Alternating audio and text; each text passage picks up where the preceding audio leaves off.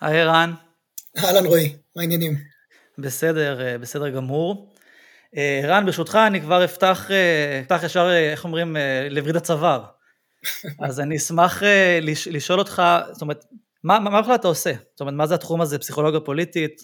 במה אתה מתעסק? אז בעצם פסיכולוגיה פוליטית, לפחות בפרספקטיבה שאני רואה אותה, זה תחום שמגיעים אליו אנשים ששואלים שאלות פוליטיות, שאלות חברתיות, שאלות פוליטיות.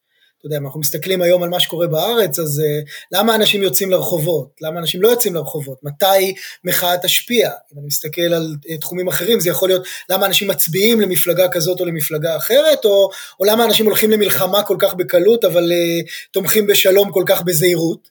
אז השאלות הן שאלות חברתיות ופוליטיות, אבל האנשים שמתעסקים בתחום הזה מניחים שהתשובות לשאלות החברתיות והפוליטיות האלה נמצאות בעיקר בעולם הפסיכולוגי. זאת אומרת, בניגוד לחוקרים נגיד קלאסיים במדע המדינה שהיו מדברים על אה, מוסדות ושיטות של בחירות ואידיאולוגיה ואינטרסים ושיקולים כלכליים וכו', אני אגיד לך שברוב המקרים, אם אתה רוצה להסביר תופעות כאלה כמו למה אנשים יוצאים היום לרחובות, תבדוק את הרגשות שלהם, תבדוק כמה הם כועסים, תבדוק מה הם חושבים, תבדוק מה הנרטיב או מה הסיפור שהם מספרים לעצמם. זאת אומרת, אנחנו משתמשים בפסיכולוגיה או בהבנה של תהליכים פסיכולוגיים כדי להסביר אלמנטים פוליטיים. עכשיו, אני אגיד שיש גם פסיכולוגים פוליטיים שחושבים הפוך. למה אני מתכוון חושבים הפוך? שוב, אני חוזר רגע למצב בישראל היום, כרגע. אתה גם יכולת לשאול את ההפך, יכולת לשאול איך משפיעה המציאות הפוליטית על הפסיכולוגיה או על ה-well-being של אנשים. אתה מדבר עם המון אנשים ואומרים לך אני בחרדה, אני לא ישן בלילות, אה, אני מרגיש ייאוש מאוד גדול, וה, וה, וה, וה, וה, ובעצם פה אנחנו מדברים על, על כיוון סיבתי הפוך, ששואל איך הפוליטיקה משפיעה על הפסיכולוגיה של בני אדם. אותי יותר מעניין לשאול איך הפסיכולוגיה משפיעה על הפוליטיקה, כי אני, נקודת הפתיחה שלי לעולם הזה תמיד הייתה השאלות החברתיות והפוליטיות, מהם אני מגיע. אז ציינת כמה פעמים את המצב הפוליטי היום, אז אנחנו מקליטים כרגע את הפודקאסט, בגלל שהמציאות אה, זזה כל כך מהר, אז כן חשוב רגע להגיד שאנחנו כרגע ב-30 במרץ, אה, וכל יום, אני כבר אה, כמה שבועות רוצה לראיין אותך, וכל יום שעובר בעצם אנחנו רואים את ההתפתחות, אנחנו כרגע, נקרא לזה בהפסקת אש בשלב הזה. אז אני, יכול להיות שאנחנו נעשה ככה, נצלול dive in ואז dive out ו zoom in ו zoom out, כי אני חושב שגם התחום נורא מעניין כתחום, אבל, אבל יש את ה, ברקע את המצב הפוליטי בארץ שהוא הסיבה שזה, אז אולי התחלת להגיד כאילו למה אנשים יוצאים למחאה, למה אנשים לא יוצאים למחאה, אז אולי באמת שאלה, איך הצליחו א' לגרום למחאה הזאת להיות כזאת, אה, איך אומרים, חסרת תקדים בארץ, ומצד שני אולי לא מספיקה. אז אה, איך אתה תופס את זה כפסיכולוג פוליטי? טוב, אז, אז, אז אני אגיד קודם כל שבעיניי, אה, אתה יודע, מה שקורה כרגע בארץ הוא, הוא דבר מופלא. אה, הוא דבר מופלא והוא דבר מעורר תקווה, הוא דבר שכולנו צריכים להסתכל עליו, ולפחות בהיבטים רבים שלו, להיות מאוד גאים במה שקורה. זה לא מובן מאליו, אתה יודע, כמי, ש, כמי שחוקר מחאות אה, אה, בכל מיני מקומות בעולם, צריך להגיד, רוב האנשים, רוב הזמן, ברוב המצבים, מעדיפים לקטר מלעשות משהו כדי לשנות את המציאות שבתוכה הם חיים. ובמחקרים על, על מעורבות פוליטית, או על, אנחנו קוראים לזה collective action, פעולה קולקטיבית, אתה מוצא שמעל 90% מהאנשים במדינות, אתה יודע, במדינה ממוצעת בזמן נתון, מעל 90% מהאנשים במשך שנה שלמה לא יוצאים מהבית, לא קמים מהספה, לא עושים פעולה שהיא פעולה משמעותית, אני מדבר מעבר להצבעה או לפעולות בסושיאל מדיה שהן קצת יותר קלות, כמעט לא עושים, ואנשים, אתה יודע, אתה שומע אותם מקטרים, וכמה נורא, ואיך דופקים אותנו, ולמה הממשלה לא עושה, ורוב הזמן, רוב האנשים לא עושים שום דבר בהקשר הזה. ו- ולכן, א', מה שקורה בישראל כרגע הוא מופלא, כי אנשים לא יצאו לרחובות פעם אחת, אנשים יוצאים לרחובות, אתה יודע, אני מדבר עם לא מעט אנשים ש, שכמעט הפכו את הדבר הזה למיין ג'וב שלהם, וזה, וזה דבר מופלא, אה, כי זה אומר שלאנשים אכפת. אבל מהפרספקטיבה שלי אז, אז אנחנו שואלים שתי שאלות במחקרים שלנו, אנחנו שואלים מה קורה כרגע שגורם לאנשים לצאת החוצה, והשאלה השנייה שאנחנו שואלים היא מתי זה, מתי זה יהיה אפקטיבי, או מה זה אומר שמחאה אפקטיבית, או מה הופך מחאה לאפקטיבית. לשאלה הראשונה יש תשובות די טובות במחקר. כשאתה בודק ברחבי העולם מתי אנשים יוצאים לרחובות, או מה מבחין בין אנשים שיוצאים לרחובות לאנשים שלא יוצאים לרחובות, בדרך כלל אנחנו מדברים על שלושה או ארבעה פקטורים פסיכולוגיים מרכזיים שמוציאים אנשים לרחובות. אחד, זה הזדהות מאוד גדולה עם, עם הקבוצה של האנשים שיוצאת החוצה. שתיים, זה תחושה של פגיעה בערך מוסרי מאוד מאוד משמעותי. ופה אני רוצה קצת להתחבר למה שקורה כרגע ב- בישראל. כי בעצם מה שקורה, ואנחנו רואים את זה גם בנתונים שלנו, במחקרים שאנחנו עושים כרגע, זה שכשאנחנו אומרים הממשלה פוגעת בדמוקרטיה, אתה יודע, זה כאילו אמירה אבסטרקטית כזאת אה, מופשטת, הרעיון הזה שאני חלק מחברה שהיא דמוקרטית, הוא חלק מאוד מהותי בזהות בהגדרה של מי אני, של חלק גדול מאוד מהציבור הישראלי. זאת אומרת, שכשאנשים מרגישים, לא, זה לא רק שפוגעים להם באיזה ערך או רעיון, פוגעים להם במי שהם. וזה דבר מאוד מאוד דרמטי, זה מה שנקרא הפרה של ערך מוסרי, וזה יכול אה, להיות מנוע משמעותי להוציא אנשים לרחובות. הדבר השלישי, אז רגע, אני עוצר אותך לפני שאתה עובר לשלישי, כי בעצם גם הראשון וגם השני, אם אני מבין, יש פה מרכיב של זהות. לחלוטין. יש פה מרכיב של זהות... אני מזדהה עם האנשים שסביבי, והשני הוא ערך מוסרי, אבל עדיין ערך מוסרי של עם מה שאני מזדהה כבן אדם. לחלוטין, אני, אני אגיד יותר מזה, אתה יודע, אם, אם ניקח שנייה את עולם הזהות, נצלול עוד דקה לכיוונו, אתה יודע, בישראל של לפני 20 שנה, היו שני מחנות אידיאולוגיים. אני לא יודע אם אתה, אתה זוכר את זה, עד... עד, עד אה, אם את מכיר את ההיסטוריה, לא בטוח שאני הייתי חלק ממנה. היו שני מחנות אידיאולוגיים, ומה שהבחין בין שני המחנות האידיאולוגיים האלה, עד תחילת שנות האלפיים, היה האם אתה תומך או לא תומך ברעיון של שטחים תמורת שלום. הסדר אה, ישראלי-פלסטיני, סיום הכיבוש. וזה היה הזהות של אנשים, היית שואל אנשים, מי אתה? הם אומרים לך, אני ימני או אני שמאלני, אה, והרעיון הזה נסב סביב השאלה האם אתה אה, שייך או לא שייך למחנה שתומך בשטחים תמורת שלום או ארץ ישראל השלמה. ב-20 שנה האחרונות מאז הכישלון של אהוד ברק וערפאת בעצם יש צד אחד שנשאר ימין וצד שני שאין לו זהות. אין לו זהות כי, כי, כי, כי הדגל המרכזי שהוא הרים קופל.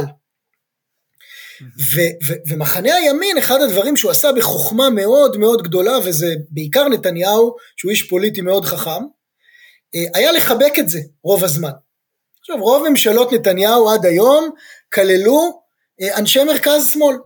אהוד ברק וציפי לבני ובני גנץ ויאיר לפיד ובוז'י הרצוג וכולם היו חלק מהרעיון הזה של אי אפשר לעשות שלום עם הפלסטינים אבל בוא, בוא נתחבר ובעצם מה שקורה בשבועות האחרונים, מנסיבות פוליטיות שהן פחות מעניינות אותי ל- ל- לדבר עליהן, זה שקמה ועלתה זהות חדשה בחברה הישראלית.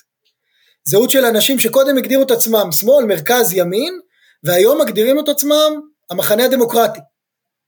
אנשים שאמרו, הרעיון הזה, הערך המוסרי הזה של הדמוקרטיה, זה מי שאני.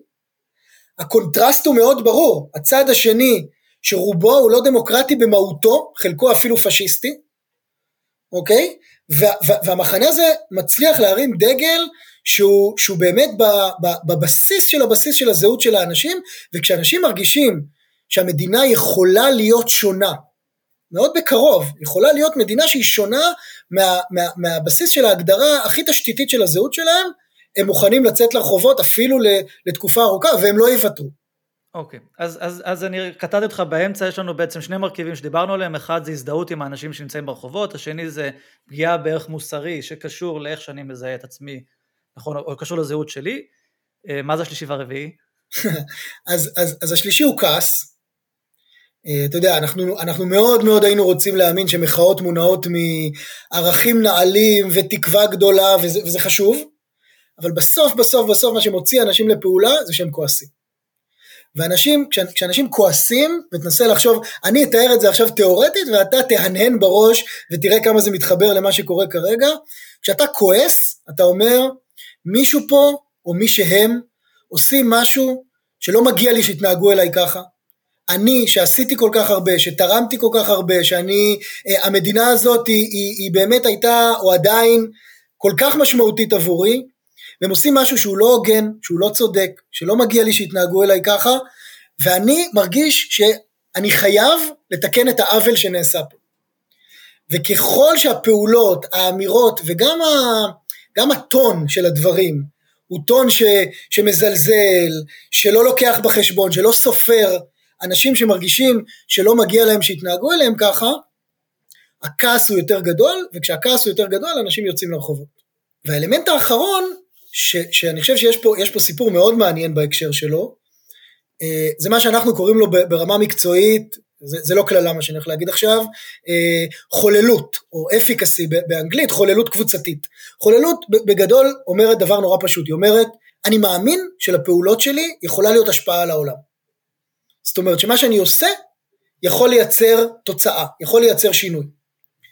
ואני חושב שאחד הדברים שמאפיינים את המחאה הנוכחית, שהוא מאוד שונה ממחאות קלאסיות, ואני אסביר עוד שנייה למה, הוא שזאת מחאה שיש בה תחושת חוללות מאוד חזקה. ויש בה תחושת חוללות מאוד חזקה בעיניי משתי סיבות. קודם כל בגלל המרכיב של האנשים שמובילים אותה. כך, בואו ננסה לחשוב, אנחנו מדברים על אנשים שהיו לוחמים בצבא, קצינים בכירים, בכירים בהייטק, אנשים שהיום יום שלהם, כשהם קמים בבוקר, הם מרגישים שהם יכולים, שמה שהם עושים משפיע, שמה שהם עושים הוא משמעותי. רוב המחאות בעולם, אם נחשוב על זה, בדרך כלל הן מחאות של קבוצות מוחלשות, קבוצות מיעוט, שחוויית החוללות, האפיקסי היומיומית שלהם היא מאוד נמוכה. זאת היא, היא חוויה של, של, של השפעה מאוד נמוכה. מי שיצא כרגע לרחובות, כמובן שזה הכללה, זה אנשים שבבסיס מאמינים שכשהם עושים הם מצליחים. הרבה מאוד מהם מאמינים שכשהם עושים הם מצליחים. וכשאנשים מאמינים בזה, הסיכוי שהם באמת יעשו משהו הוא מאוד מאוד גבוה. אני רוצה להוסיף לזה עוד אלמנט, וזה מחאת בלפור. ש, שהיא לא בחפיפה מלאה למחאה הנוכחית, ברור שהמחאה הנוכחית היא הרבה יותר רחבה, גם הרבה יותר, יש לה מאפיינים אחרים שהם מאוד מאוד שונים ממחאת בלפור, אבל הרבה מהאנשים שקשורים למחאה הזאת היו קשורים גם למחאת בלפור, ומחאת בלפור מוסגרה או נתפסה על ידיהם כהצלחה גדולה. בסוף, אתה יודע, ברמה המדעית, אף אחד לא יודע להגיד אם הממשלה, אם ביבי נפל כי בלפור כן או לא, אבל ברמה התפיסתית זאת התחושה. וכשאתה מייצר תחושה של הצלחה כל כך גדולה, אה, תחושת החוללות שלך עולה בצורה משמעותית, ואני חושב שזה מה שקורה כרגע. אז זאת, ה, זאת החבילה הפסיכולוגית, אלו ארבעת הפקטורים שכשהם מתקיימים, אנשים יוצאים לרחובות.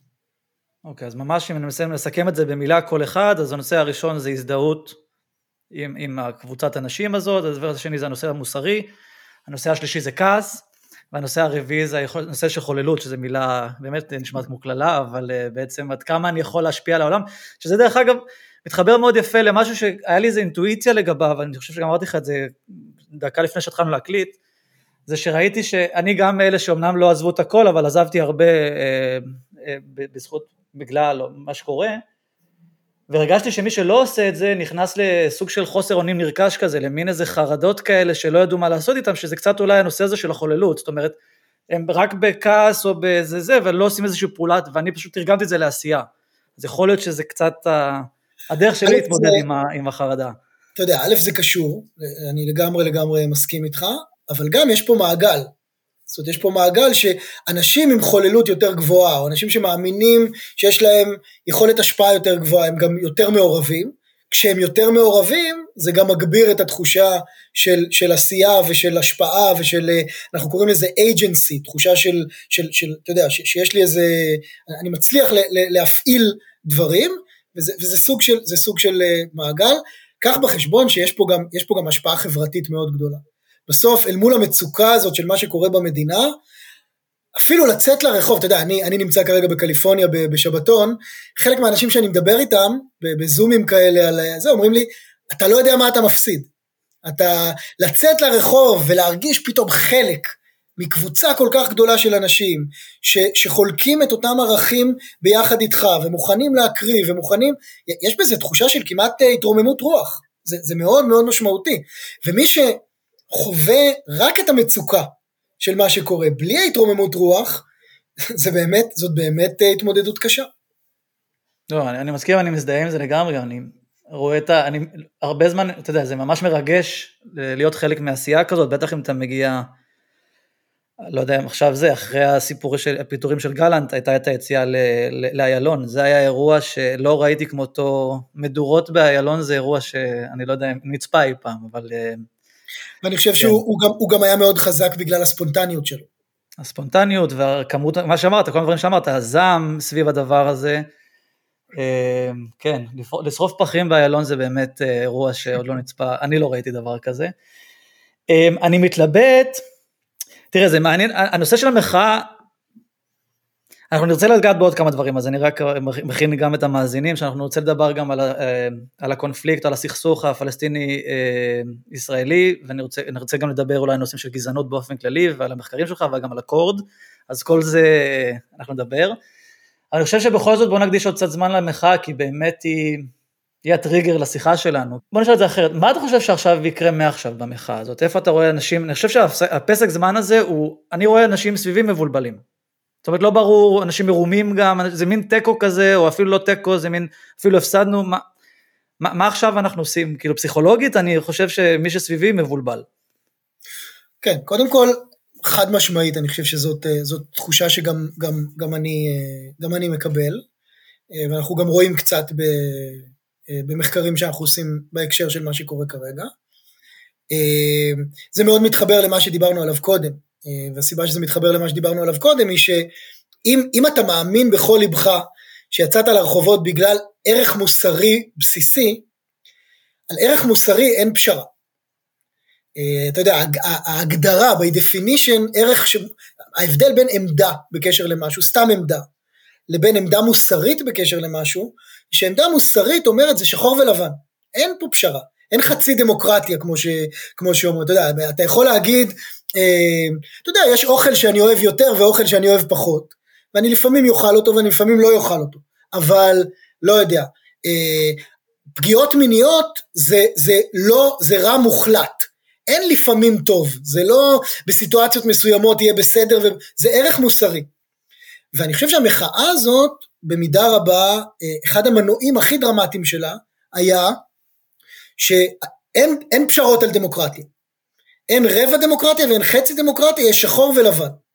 ואם כל האתוס היה אתוס של שחור ולבן, מאוד מאוד קשה להסביר איך נכנסים להידברות. כי הידברות, בהגדרה שלה, היא, היא דבר שנועד להוביל לפשרה. ואם, ואם זה ערך מוסרי, אין עליו פשרה, לא יכולה להיות לגביו פשרה. אבל אני, אני, כן רוצה, אני כן רוצה להאיר לרגע באלף את הסיטואציה באופן קצת אחר. זאת אומרת, בעיניי אנחנו נמצאים בנקודה שבה למחאה יש הישג אדיר. הישג אדיר. ו- ואני חושב שאחד האתגרים כרגע, ואני אומר את זה מהמקום ה- של הפרקטישיונר, של, של איש המעשה, של מי שאתה יודע, שחבר באקורד, הקמתי את אקורד שהוא ארגון שהיום מסייע למחאה בצורה מאוד משמעותית, אה, חשוב מאוד לחגוג את, ה, את מה שקורה כרגע. ממש חשוב לחגוג. זה לא מובן מאליו שציבור שבסוף הוא חלק מקבוצת המיעוט שהפסידה בבחירות, מצליח לעצור פעולה מאוד מאוד מרכזית שהיא במהות של האידיאולוגיה של הממשלה שעומדת מולו. זו דרמה. מצליח לעשות דברים שלא נעשו פה, אתה אמרת 37-38 שנה, לא, להערכתי לא נעשו פה אף פעם, אם תרצה אני אסביר גם למה. וזאת הצלחה מאוד מאוד דרמטית, שאני חושב שיש לה, יש לה ש, ש, שלושה היבטים שצריך לקחת בחשבון. אחד, זה ההצלחה הפרקטית, עצירה ב, ב, ב, ברפורמה, אה, אה, זה לא דבר שהוא מובן מאליו. שתיים, זה ההתגבשות של המחנה הזה שדיברתי עליו קודם. הדבר הזה קרה פה בחודשים האחרונים. פתאום יש מחנה דמוקרטי. מחנה דמוקרטי ש, שאני חושב שהרים דגל מאוד ברור ואומר לכל מי שחשב אי פעם לשנות פה משהו במהות הדמוקרטית של המדינה הזאת, זה לא יקרה, או, או הם לא ייתנו לזה לקרות. והדבר השלישי, אם דיברנו קודם על חוללות, על תחושה של אפיקסי, אז כל אחד ואחת מהאנשים שהיו פה ברחוב יודע שהפעולה שלהם עבדה. כרגע הדבר הזה נעצר, ובשנייה שהוא יתקדם שוב הלאה, אני מקווה ומאמין שהרחובות יהיו מלאים שוב. אה, זו, זו דרמה, זאת אומרת בוא, בוא אתה יודע, אה, אה, הממשלה הייתה יכולה לקבל את מה שהיא קיבלה עכשיו במחיר הרבה הרבה הרבה הרבה יותר קטן לפני חודש וחצי. והעובדה שהם לא לקחו את זה, כל מה ש... אתה יודע, כל מה שהפוליטיקאים מהמרכז שמאל ביקשו היה להקפיא את החקיקה. תקפיאו את החקיקה ונדבר, בלי איומים של ביידן ובלי, אתה יודע, בלי לפטר שר ביטחון ובלי לשרוף את איילון. והממשלה לא לקחה את זה, והציבור הראה לה ש, שזה, לא, שזה לא מקובל, וזה דבר בעיניי שצריך לעצור ולחגוג אותו. עכשיו, לאן זה ילך זאת שאלה, שאלה יותר מורכבת, היא, היא קשורה, אתה יודע, גם לעמדות פוליטיות ולא רק, ל, ולא רק למחקר. אני אגיד, אני אגיד בשני משפטים, כי אני לא, לא בטוח שזה הדבר שאנחנו רוצים לדבר עליו, אבל אני אגיד שבעיניי, ואני, ואני רוצה להגיד את זה ברור, הסיפור הוא לא הרפורמה המשפטית. הסיפור הוא לא הרפורמה המשפטית. יש פה ממשלה שהרפורמה המשפטית היא, היא, היא קצה הקרחון מבחינתה. זאת הממשלה הראשונה בהיסטוריה של מדינת ישראל שרוצה לייצר פה תשתית חוקתית לא דמוקרטית, אחד. פעם ראשונה בהיסטוריה של מדינת ישראל שיש ממשלה שהמיינסטרים שלה אומר אנחנו לא רוצים שלום עם הפלסטינים. זאת כבר לא השאלה של אה, יש פרטנר, אין פרטנר, אה, אנחנו לא רוצים, זה לא הסיפור שלנו. אתה יודע, רועי, זה משנה את המהות הבסיסית של המדינה שלנו. זה לא השאלה אם השגת שלום או לא השגת שלום, זאת השאלה באיזה פוזיציה אתה עומד מול העולם ומול הקונפליקט הזה. אנחנו מובלים היום על ידי ממשלה שבהגדרה שלה מובילים אותה אנשים שלא רוצים לעשות שלום עם הפלסטינים. אנחנו היום הלא פרטנר. אנחנו. בואו נשים את זה על השולחן. והדבר השלישי, את הממשלה היום מובילים אנשים שהם אנשים גזענים בהגדרתם.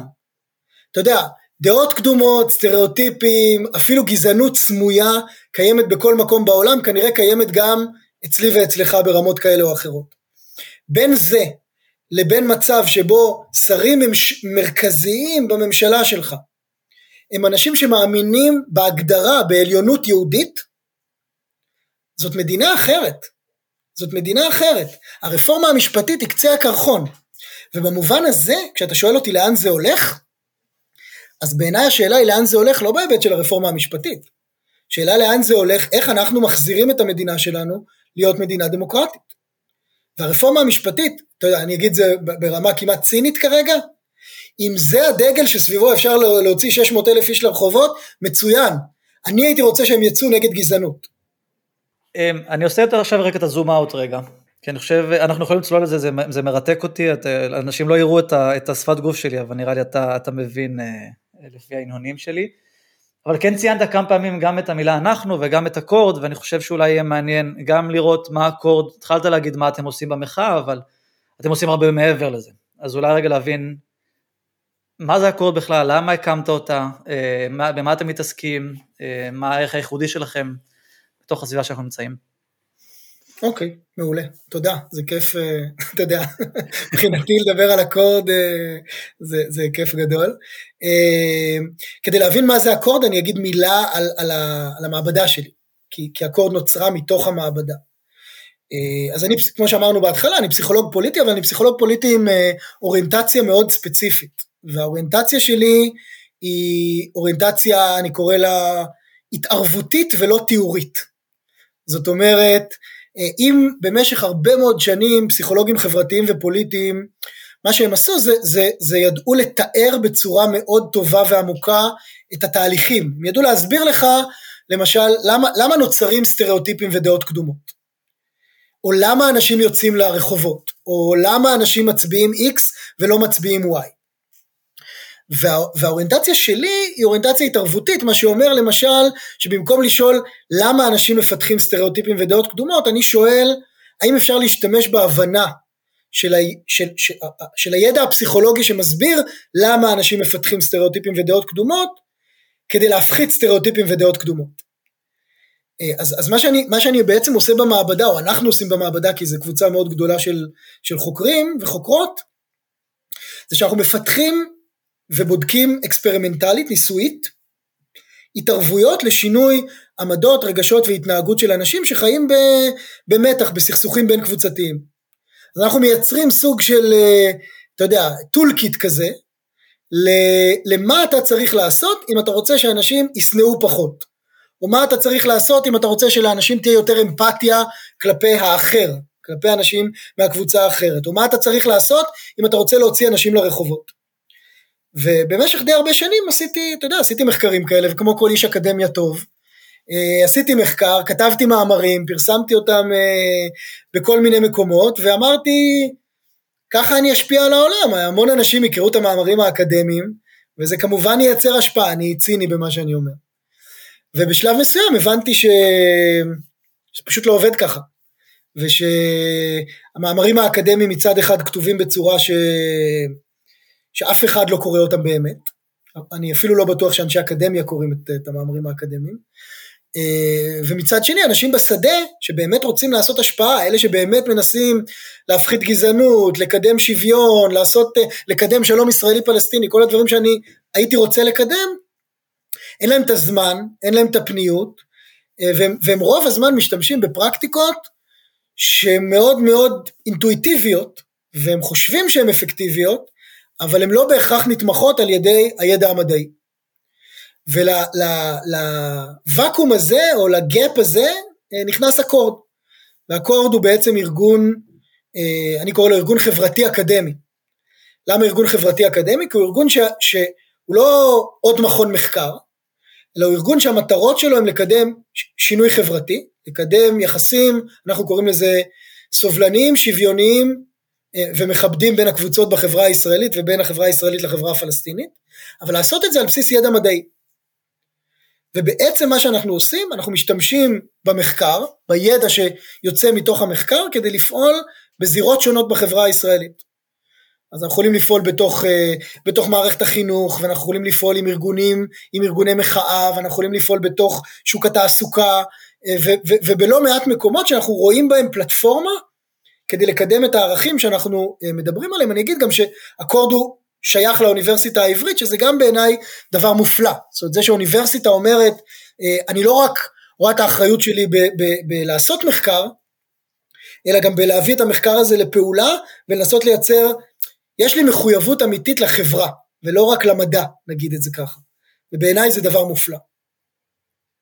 זה מרתק, אני, א', אני מזדהה איתך, אני חושב שכי, אמרת, כשאתה מספר את הסיפור שלך, אני חושב כבר מהבחירה במחקר, שאתה מנסה, לא מנסה להבין מציאות, אלא מנסה לשנות מציאות, כבר אז רואים שהסיפור שלך הולך לקראת להקים את הקורד, כי, כי, כי אתה לא יכול להישאר חוקר אקדמי אם אתה רוצה, אם אתה, אתה רוצה לשנות מציאות. זה... הבנת המציאות היא, היא כלי מעולה, אבל נשמע שהמחקרים שלך היו לכיוון של שינוי, שינוי מציאות, אה, אתה המשכת יותר באקדמיה, אני אחרי התואר השני הבנתי שמבחינתי אחרי שעשיתי תזה על חשיבה יצירתית, אמרתי חשיבה יצירתית זה משהו ללמוד עליו, זה משהו לייצר אותו, לשנות אותו, להשפיע עליו, אמ, וככה לאט לאט, אה, כאילו, עשיתי את הקריירה שלי. אמ, אני, אני, זה, זה מרתק ואני אשאל אותך, טוב, אני, אני אשמח לשמוע דוגמאות, זאת אומרת, אני רוצה, כזה נתת לנו ככה overview של מה הקורד עושה, וגם נתת קצת זום אין בתחום של המחאה, מה אתם עושים, אבל אולי ניגע בכמה פרויקטים שאתם ככה מאוד מאוד גאים בהם. אחר כך אולי נשמע גם פרויקטים שאולי לא הצליחו, שזה גם מעניין לראות התערבויות שלא צלחו ולהבין למה, אבל, אבל בוא נתחיל בהצלחות ובדברים שהם, אה, כן, כאילו דברים שאתה חושב שהם באמת עשיתם אימפקט, אה, שינוי אמיתי בעולם. אז קודם כל זאת שאלה אם לדבר, זה, זה קצת, אנחנו משחקים פה בין, בין המיקרו למקרו. אני, אני אגיד את זה כי זה, זה משמעותי, זאת אומרת, בעצם מה שקורה הוא שבמעבדה שלי, או, או בעבודה של, של השותפים שלנו ו, ושלנו אה, המחקרית, אנחנו מייצרים את, תקרא לזה לצורך העניין, פתרונות המיקרו. זאת אומרת, אתה יודע, אה, איך אני משנה, איך אני, נתתי את הדוגמה קודם, איך אני מפחית שנאה, או איך אני מגביר תקווה, או איך אני מגביר אמפתיה, אה, או איך, אתה יודע, ואלו פתרונות המיקרו שה, שהמחקר שלנו נותן להם מענה, הרבה מאוד פעמים. ומה שהאקורד מנסה לעשות, הוא לקחת את פתרונות המיקרו האלה, לארוז אותם בתוך חבילות יותר גדולות וליישם אותם בסקייל רחב. ועכשיו אני מתלבט אל מול השאלה שלך, האם לתת לך דוגמאות מיקרו או לתת לך אה, אה, דוגמאות מקרו, כי דוגמאות המקרו הם יותר מהעולם של, אתה יודע, איך ארגון חברתי עובד. תראה, יש לנו זמן, אתה יכול לתת לנו גם וגם, בוא נתחיל במה שמעניין אותך ואז נעבור לשני, אני חושב, אני באמת חושב שזה מעניין, אני, שוב, גם המאזינים שלנו והמאזינות, הם חלקם אנשי אקדמיה וחלקם אנשי תעשייה, ואני חושב שהתפר הזה, וזה גם אני אגיד מתוך העבודה ב-Q, כשהקמתי אותה אז חשבתי מה זאת אומרת, לקחת מחקר אקדמי, לפחות המעבר הזה הוא העניין.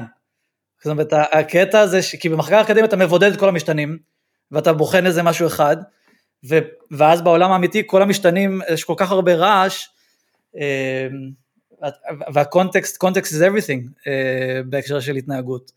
ולכן זה שבחרתי משהו באיזה בחור על ב-high level בגיל 22, שאני בא לעשות את זה בארץ, במזרח התיכון, מקבל תופעה, תוצאה הפוכה.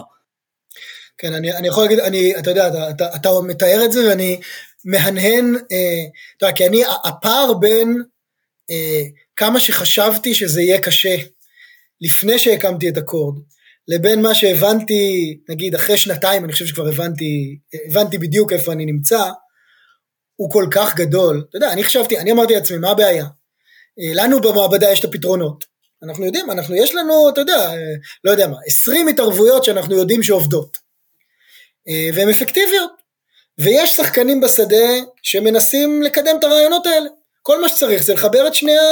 אתה יודע, לייצר את הגשר, ולקח אפילו פחות משנתיים, אתה יודע, להבין, בעיניי להבין שני דברים. אחד, הבשורה הטובה מיד בהתחלה הייתה שהיה ביקוש מאוד גדול למה שהצענו, ממש היה, אתה יודע, חשבנו שאנחנו נעשה ככה קצת סדנאות לארגונים, לפוליטיקאים, לשחקנים, היינו מוצפים ברמות סופר סופר אה, מטורפות, ומצד שני הבנו ממש מהר שזה לא עושה שום השפעה, ממש, זאת אומרת שלהנגיש לאנשים את הידע הזה, המחקרי, בלי שאנחנו ניקח אותו בעצמנו נארוז אותו, אתה אמרת, זה היה מילת מפתח, נחבר אותו לקונטקסט בצורה מאוד מאוד מדויקת, לא, לא ייצר שום, שום השפעה, ואני אגיד יותר מזה, זה צריך מבחינתנו גם ממש לשנות את פני הארגון, זה לא כמה אנשי אקדמיה שמנגישים ידע לאנשי מעשה, אלא זה, זה אנשים, אנחנו, אנחנו בעצם הפכנו,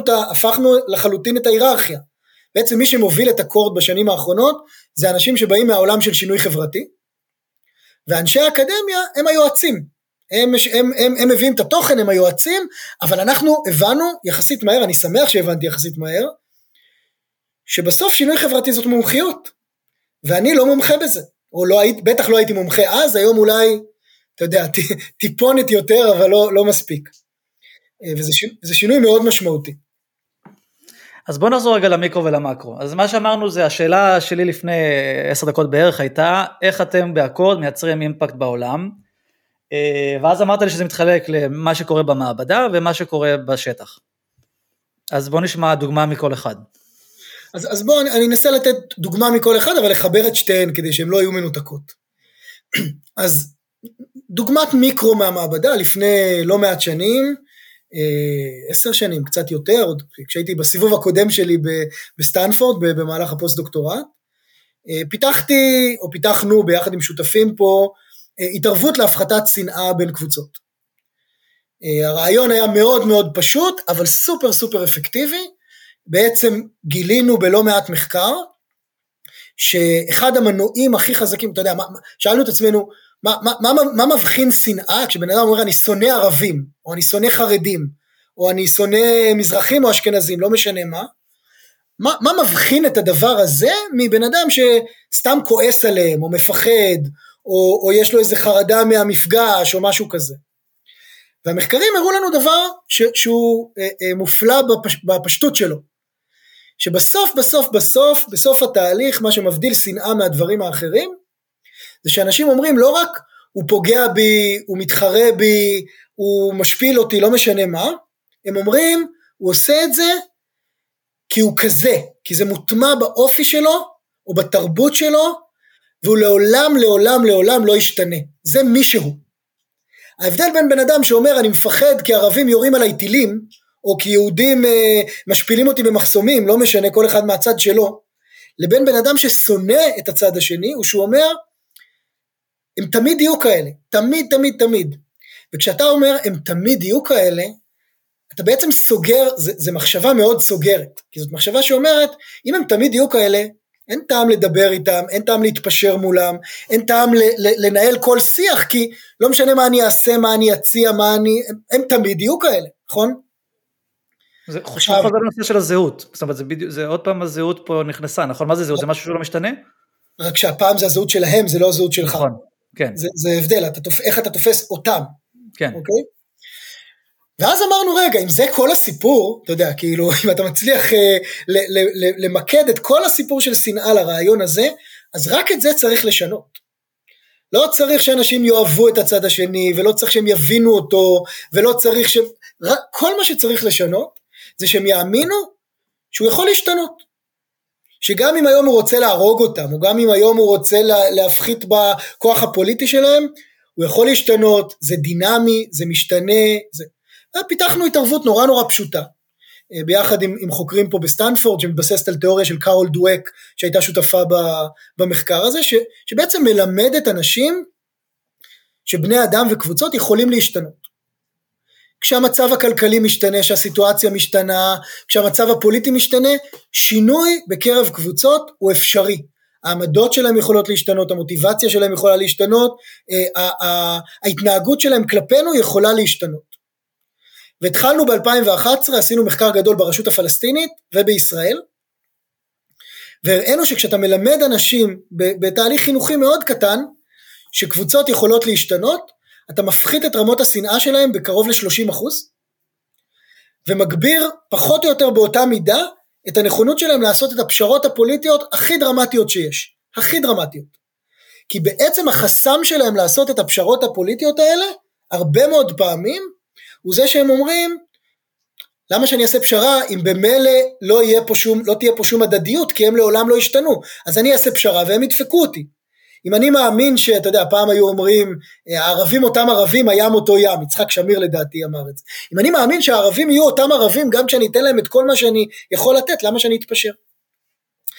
ועשינו את המחקר הזה בלא מעט מקומות, שכפלנו את זה בלא מעט קונפליקטים ברחבי העולם, אה, הראינו נתונים מאוד מאוד יפים, גם בשדה, לא רק, ב, לא רק במעבדה, אה, וזה הפך לאחת מההתערבויות הכי פופולריות היום בתחום של, של פסיכולוגיה חברתית, וזו דוגמה.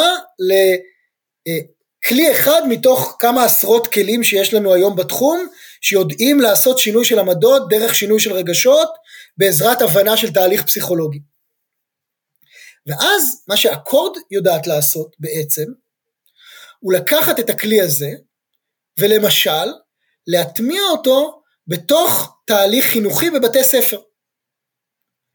אתה שואל את עצמך, איך אני לוקח את הרעיון הזה, שקבוצות יכולות להשתנות, ואני מטמיע אותו בתוך הקשר ספציפי, אם אני, עם, עם אה, מחלקת החינוך באקורד, עושה תהליך אבחוני בבית ספר בתל אביב, ומגלה שהאתגר הכי גדול בהקשר של הבית ספר הזה הוא שנאה כלפי חרדים, אוקיי? ו- וזה באמת מה שאנחנו עושים, אנחנו עושים תהליך דיאגנוסטי בתוך בתי, בתוך בתי ספר, ואז אנחנו לוקחים התערבות כזאת, שמלמדת שקבוצות יכולות להשתנות, ומטמיעים אותה בתוך היום יום של בית הספר. וזה יכול להיות באופן שבו המורים והמורות ידברו לתלמידים, וזה יכול להיות חלק משיעורים שהם יעבירו, וזה יכול להיות על לוח המודעות בבית ספר. ואנחנו מלווים את הדבר הזה במדידה, זאת אומרת אנחנו ממש מודדים איך ההתערבות הזאת מצליחה לשנות את התפיסות, את העמדות וההתנהגות של תלמידים ותלמידות בתוך בית הספר, אבל בעצם הדבר המיוחד פה הוא שיש המון תוכניות במערכת החינוך שמנסות אה, להפחית אה, גזענות או דעות קדומות או לקדם יחסים יותר אה, סובלניים ושוויוניים. התוכנית שלנו היא, היא היחידה או אחת היחידות שעושות את זה על בסיס מדע. ושבעצם כל אלמנט שאנחנו נ, נ, נ, ננסה לעבוד איתו הוא אלמנט שיש לו ביסוס של מחקר מדעי אקספרימנטלי. ואנחנו כמובן נלווה גם את, ה, את העבודה בתוך בתי הספר במחקר כל הזמן כדי לראות מה עובד ומה לא עובד, כי יכול להיות שיש דברים שעבדו במעבדה ולא יעבדו היום בתוך בית הספר. זה מרתק מה שאתה אומר, זאת אומרת זה מרתק בכל כך הרבה מובנים, אני, אני גם מנסה, אני, אתה מחזיר אותי כמה שנים אחורה שאותנו בתיכון הפגישו עם אה, אה, קבוצה של ערבים ואני חושב על מה שזה אומר, זה לא בהכרח ללמד אותם על אורחות החיים שלהם או להבין את ה... כאילו יש פה, אתה רוצה לראות או ללמד אנשים ששני הצדדים יודעים לשנות את דעתם, כאילו אני יכול לשנות את, את העמדתי וזה משהו אחר לגמרי מלהבין את התרבות ולהבין את ה... ו, וזה חידוד מאוד מאוד מאוד יפה, כי, לא, כי זה לא מה שעשו לנו לפחות אה, אה, בתיכון. אבל הנה, אבל הנה, אתה מרשה לי לקפוץ שנייה, בטח. אה, הנה דוגמה, נתת דוגמה מעולה לפער בין אינטואיציה לעבודה מדעית. כי, כי האינטואיציה של, אני מניח, 95% מאנשי החינוך, או מצוותים חינוכיים, שיש להם את הכוונות הכי הכי הכי טובות בעולם בנושאים האלה, תהיה להגיד, בוא נפגיש תלמידים שלנו עם תלמידים שלהם, מה שזה לא יהיה שלהם. זה, זה הדבר הכי אינטואיטיבי לעשות. ו, ואני מאוד מעריך אנשי חינוך שעושים את הדבר הזה. אבל הממצאים המדעיים בהקשר של, זה נקרא תיאוריית המגע, המפגשים בין קבוצות, הם ממצאים מאוד מורכבים. מאוד מאוד מורכבים. אני לא, לא חושב שיש לנו זמן להיכנס אליהם כרגע, אני אגיד ב, בשני משפטים, אה, זה יכול להיות אפקטיבי, אבל זה יכול להיות אפקטיבי רק תחת תנאים מאוד מאוד מאוד מסוימים, שברוב המקרים מאוד קשה לנו ליישם אותם. זה יותר אפקטיבי לקבוצות מסוימות ופחות אפקטיבי לקבוצות אחרות, והרבה מאוד פעמים אנחנו מתבלבלים ומשתמשים, אנחנו חושבים שהמפגש עצמו הוא המטרה, במקום לשאול את עצמנו מה אנחנו רוצים להשיג דרכו. אז אני למשל הייתי אומר לך, כן, תפגישו אותם, לדוגמה, אבל בואו נשאל את עצמנו על איזה תמות אנחנו רוצים שהם ידברו. מה חשוב לנו שהתלמידים היהודים יראו בקבוצה הערבית כדי לפתח את, ה, את אותם מחשבות שאנחנו רוצים שיתפתחו אצלהם, ואז אפשר להשתמש בפלטפורמה הזאת ויכולה להיות מאוד אפקטיבית. הייתי רוצה שצוותים חינוכיים גם ישאלו את עצמם, למשל, אם, אני, אם, אם, אם, אם מפגש כזה כמו שאתה תיארת שלקחו אותך בבית ספר, אני יכול ליישם אותו נגיד רק על כיתה אחת, כי זה עולה המון כסף, וזה אוטובוסים, וההורים לא תמיד מסכימים, ומיליון דברים אחרים, או באופן אלטרנטיבי אני יכול לעשות משהו בנפרד בלי להיפגש, אבל לכל בית ספר, ובצורה שהיא יותר מבוססת על, על, על ידע ועל evidence, יכול להיות שזה, שיש אלטרנטיבות יותר טובות. זה מרתק, אנחנו פה, אני מרגיש שאנחנו מעלים עשן, אתה מעלה עשן, אני, אני, אני מקשיב. בוא נשמע עוד דוגמה גם למיקרו וגם למקרו, כי אני חושב שא' זו דוגמה מעניינת, אולי יש לך מעולם תוכן אחר קצת, כדי שנוכל לראות עוד הקשר שבו זה עובד. מעולה. אז, אז אני אתן דוגמה להתערבות שיישמנו אותה ב, במהלך אירועי מאי 21, שהיו, אתה יודע, אני חושב שאחת החוויות, אה, זה, זה, אתה יודע, אנחנו היום בימים של המחאה ואנחנו מרגישים שאנחנו ב, בעולם מטורף, אני לא, לא יודע איך אתה הרגשת במאי 21, אני, אני הרגשתי שה, שהעולם מתפרק לי מתחת, ל, אתה יודע, שהרצפה מתפרקת מתחת לרגליים שלי, ממש. אה, אירועים של אלימות מאוד מאוד קשה ברחובות, בין יהודים לערבים, ממש במרכזי הערים. אה, אני מניח שזה היה קשה לכל אחד, לאנשים שפועלים בתחום הזה ברמה יומיומית, זה הרגיש כמו, גם כמו כישלון מאוד אה, דרמטי. אני זוכר את עצמי יושב, אתה יודע, מול הטלוויזיה ופשוט לא מאמין ש, שזה קורה. ו, ו, ואנחנו לקחנו אז התערבות שלא אנחנו פיתחנו אותה במקור, אבל בחנו אותה במעבדה, ואני חושב שמעניין לספר עליה, כי, כי זה ממש לראות איך אפשר לקחת משהו מהמעבדה ולהפוך אותו לאקשן בריל טיים, וזה מאוד, אני חושב שזה מאוד, מאוד נחמד, וזאת התערבות שקוראים לה בלעז, קוראים לה correcting meta perceptions, תיקון של מטה תפיסות, אה, והיא מתבססת על רעיון שאומר שהרבה מאוד פעמים מה שמניע קונפליקטים בין אנשים בקבוצות שונות, הוא ש... כן, זה... זה אתה בקליפורניה, רגע, שלא נראה לך. אצלך ואתה בקליפורניה, זה לא אזעקה בישראל. כן. אתה יודע, הילדים שלי שואלים, זה מצחיק וזה עצוב, אבל אני אגיד לך את זה בכל זאת. הבת הקטנה שלי, בתשע, אה, שבמהלך אירועי מאי 21 היה פעם ראשונה שהיא...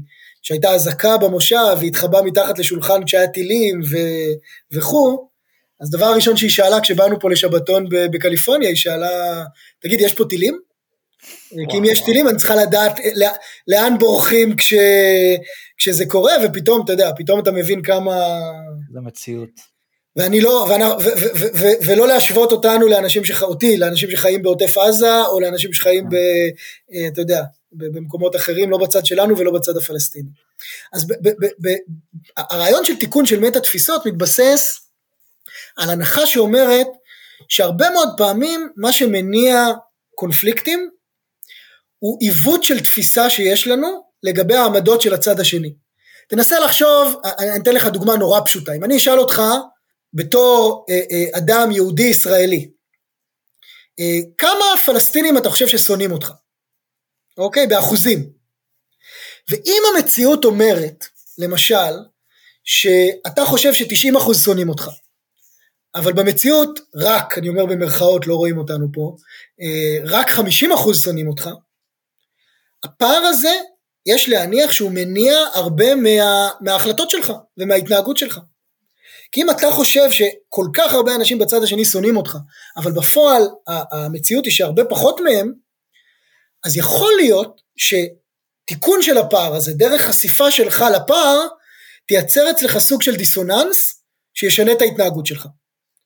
ויש המון מחקר, בעיקר בהקשר האמריקאי, וזה מעניין, בעיקר בהקשר של מה שאנחנו קוראים לו affective polarization, פולריזציה רגשית בין דמוקרטים לרפובליקנים בארצות הברית, שבעצם טוען שהרעיון הזה של תיקון של מטה תפיסות הוא ההתערבות הכי אפקטיבית לשינוי עמדות של צד אחד כלפי צד שני. כי התפיסות שלהם לגבי התפיסות של הצד השני הן כל כך מעוותות שהתיקון שלהם מייצר שינוי מאוד משמעותי. ואנחנו בעצם במהלך אירועי אה, אה, אה, מאי 21 הרגשנו שזה ממש מה שקורה בציבור הישראלי ובציבור הערבי בתוך החברה הישראלית. שיש פה שתי קבוצות שחושבות שהצד השני כולו רוצה לפגוע בהם, להשמיד אותם, בעצם ש, שהתפיסה שלי לגבי התפיסה של הצד השני מבחינת התמיכה שלו באלימות היא שהם מאוד מאוד תומכים באלימות, בעוד שבפועל רמות התמיכה באלימות היו מאוד נמוכות, מאוד, בשני הצדדים. ומה שעשינו, הוביל את זה נמרוד ניר שהוא, שהוא דוקטורנט שלי, הרצנו ממש מהר, ממש ב, ביומיים הראשונים שהתחילו ה, ה, האירועים, הרצנו סקרים של מדגמים מייצגים גם בחברה היהודית וגם בחברה הערבית, ושאלנו עד כמה אתם תומכים או מבינים את האלימות מהצד שלכם שמתקיימת כרגע ברחובות, וגם שאלנו כמה אתם חושבים שהצד השני מה תומך באלימות. והממצא שקיבלנו היה כמו שחשבנו, חשבנו שיהיה פער מאוד מאוד גדול. ולקחנו את הפער הזה ועבדנו איתו, וקודם כל עבדנו איתו תקשורתית. למשל, הצלחנו להביא למצב שבחדשות ערוץ 2 במהדורה המרכזית הציגו את הגרפים האלה, כמו שהם. בשמונה ועשרים בערב, כשהרחובות בוערים, הצלחנו באקורד להביא למצב שחברת החדשות של ערוץ 2 אומרת תראו, רק חמישה אחוז מהערבים תומכים באלימות, אבל היהודים חושבים שתשעים אחוז מהערבים תומכים באלימות, זה פער מאוד גדול. ואותו דבר לצד השני. והראינו, ואז לקח גם, היה ארגון, אה, אה, האם ראית את האופק לאחרונה, שלקח את הממצאים האלה ובעצם שם אותם על שלטי חוצות ענקיים בכל היישובים הערביים בישראל ובלא מעט יישובים יהודיים, ובעצם לקחנו התערבות מיקרו מהמעבדה, שאנחנו יודעים להראות שהיא מייצרת אה, אימפקט, והבאנו אותה לתפוצה מאוד מאוד רחבה, גם רשתות חברתיות, סרטוני יוטיוב, כל הדברים האלה, כשאנחנו יודעים שהיא אפקטיבית, שמי שנחשף אליה, התמיכה שלו באלימות והעוינות שלו כלפי, כלפי הצד השני יורדת משמעותית כי הוא מבין, היי, הייתה לי איזה טעות, היה לי איזה עיוות תפיסה ואני צריך לעדכן את העמדות שלי. וואו, אה, אני אוסיף בסוגריים רגע כמה דברים שאולי פשוט יהיו מעניינים, ואז אני אשמח לשמוע, לעשות, אה, כאילו דיברנו עכשיו על יחסים בין ערבים ויהודים אה, בישראל, אולי נדבר גם על הקונפליקט, על הסכסוך הישראלי-פלסטיני, אבל אני חושב שחלק, רק ככה אני זורק פה, נכון, הרי למה עיוותי תפיסה האלה קיימים, אז יש פה כל מיני תופעות שאנחנו מכירים, הטיית הזמינות וגם הטיית האישוש, נכון, אני חושב שזה שתיהן, אולי יש כמה הטיות נוספות שאני מפספס, נכון, אבל הטיית האישוש זה בעצם, אם אני מאמין שהצד השני הוא אלים, אז אני אברור את, אה, על מה אני מסתכל, ואני כנראה אזהה את זה בצד השני במציאות, ואז זה מחזק, זה פידבק לוב כזה שהוא... לגמרי, אתה, אתה לגמרי צודק, ובוא תוסיף לזה את מה שנקרא הטיית ההומוגניות של קבוצת החוץ, זאת אומרת, אתה רואה שני יהודים או שני ערבים, תלוי מאיזה צד אתה, אה, ש, ש, שמשתמשים באלימות ברחובות, ואתה אומר, הם דוגמה לכל הקבוצה, אה, ואם הם דוגמה לכל הקבוצה, ואני חושב שכמו שכל היפנים נראים אותו דבר, וכל השחורים נראים אותו דבר, אז כל הערבים שאני רואה מרביצים כרגע ברחוב, מייצגים את כל הערבים. וכשאתה לוקח זמינות, אישוש והומוגניות, אתה מקבל ביחד את, ה, את העיוות תפיסה הזה. מעולה, זה חידוד מאוד מאוד אה, מעניין, ולראות למה זה נוצר, ועכשיו בעצם איך פתרתם את זה. אז בואו ניגע ב... אנחנו כבר לקראת סיום, אז אני חושב שנפתח את הצוהר הזה, כי אני חושב שזה קונפליקט מאוד מאוד, אה, מן הסתם, זה מעניין, בדיוק שמעתי שהוא כזה, נהיינו, אני לא יודע אם אנחנו אדישים אליו כלפיו, אה, או, או נמנעים ממנו, או משהו כזה, אבל אה, זה בפודקאסט של, של מיכה גודמן שמעתי, תודה, של מפלגת המחשבות. מעניין אותי מה אתה חושב בהקשר, שוב, מנקוד מבט של הפסיכולוגיה הפוליטית. כן, אז האמת שאתה, אתה, או אתה או מיכה גודמן פתחתם את, ה, את הצוהר בדיוק למקום שאני חושב שהוא המקום הכי קריטי לדבר עליו. אמ, אז אני, אתה יודע, אני מתעסק בסיפור הישראלי-פלסטיני הרבה, הרבה שנים, ו, ואני חושב שהאתגר אה, הבאמת באמת דרמטי שיש לנו כרגע, וזה, אה, אתה יודע, אם הייתי, הייתי מבקש ממך כרגע לרגע להתנתק, בוא, בוא נהיה רגע לא ישראלים, בוא נהיה רגע אנשים ממקום אחר, שמסתכלים עלינו מבחוץ. אמ, ואומרים, בסוף הסיפור הישראלי-פלסטיני הוא כנראה הדבר הכי דרמטי שהחברה הישראלית מתמודדת, התמודדה ותתמודד איתו בשנים הקרובות, ובגדול, בגדול, בגדול, לא אכפת לנו. לא אכפת לנו. מה זה לא אכפת לנו? אני אתן לך דוגמה מאוד מוחשית. הצוות שלנו באקורד ש, שמוביל את הסיפור הישראלי-פלסטיני, רצה ככה לפני, לפני פחות או יותר שנה להבין קצת מה התחושות של, של האנשים בחברה הישראלית בהקשר הזה, ועשה שמונה קבוצות מיקוד ב, ב, ב, בקרב אנשים ממעמדות פוליטיות שונות, אבל אה, אוכלוסייה יהודית בישראל.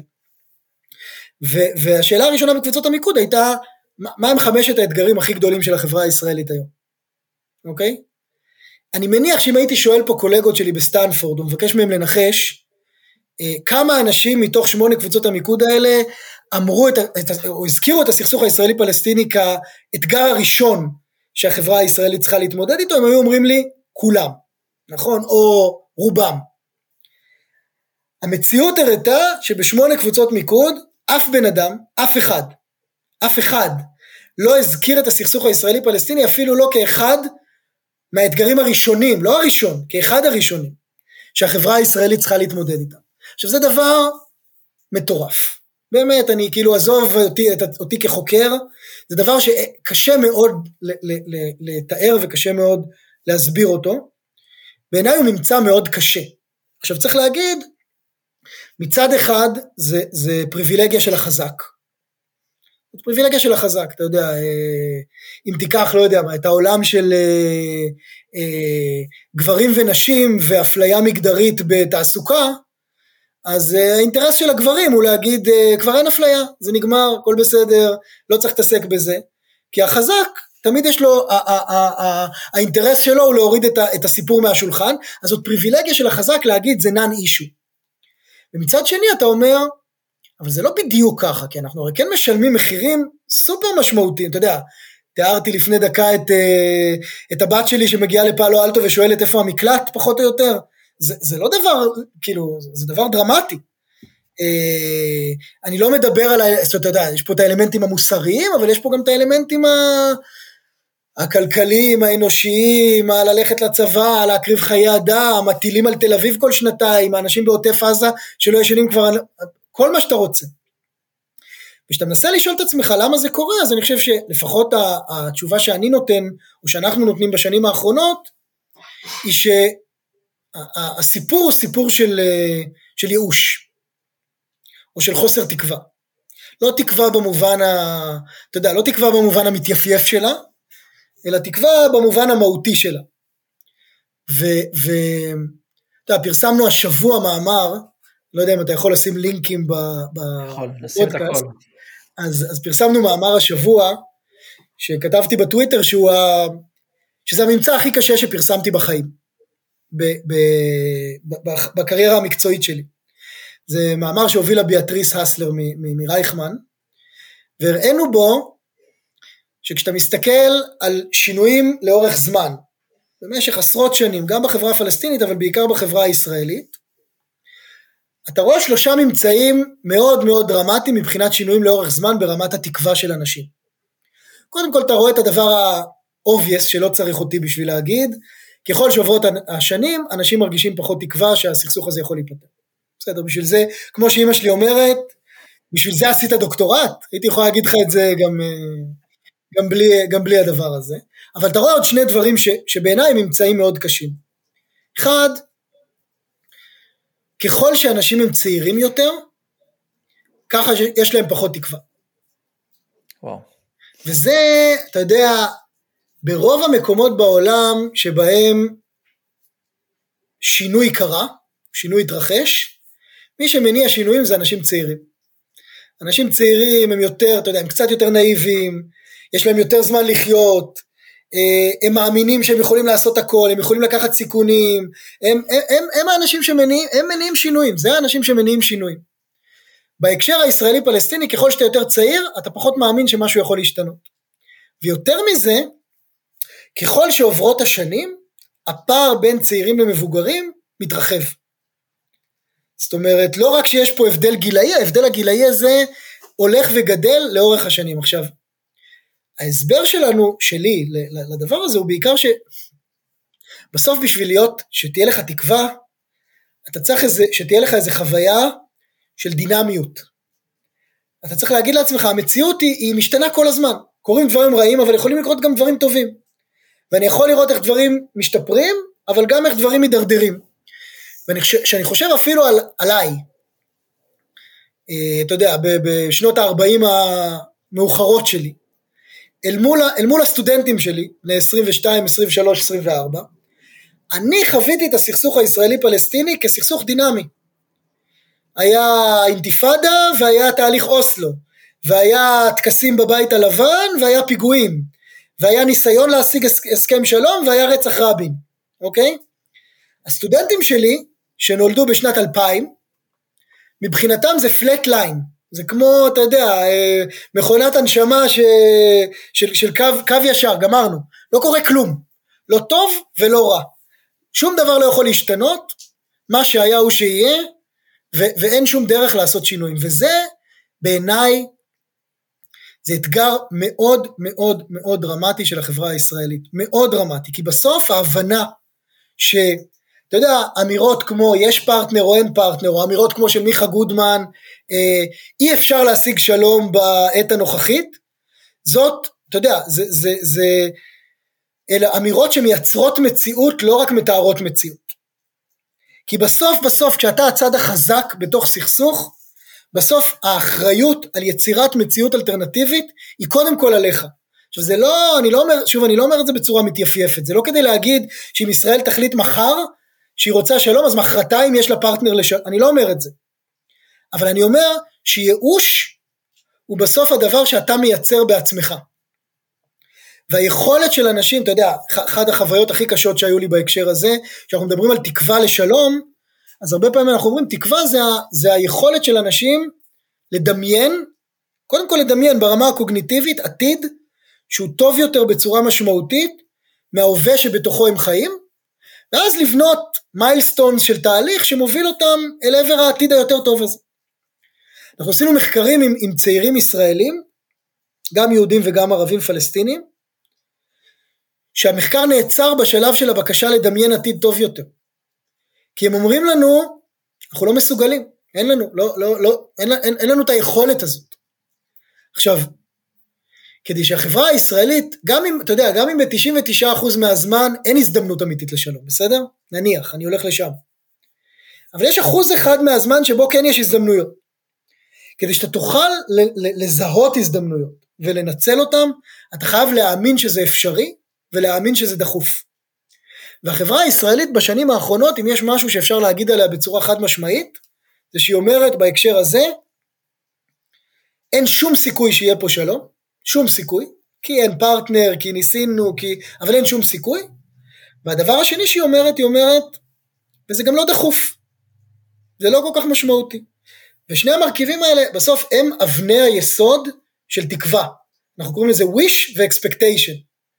זה חשוב וזה אפשרי. ואם זה לא חשוב וזה לא אפשרי, אז לא פלא שצעירים פה אומרים זה לא יקרה לעולם, ו- ובסוף, אתה יודע, בסוף את המחיר אנחנו נשלם, הילדים שלנו ישלמו, אה, אה, אה, בעיניי זה לא, לא פריבילגיה שיש לנו.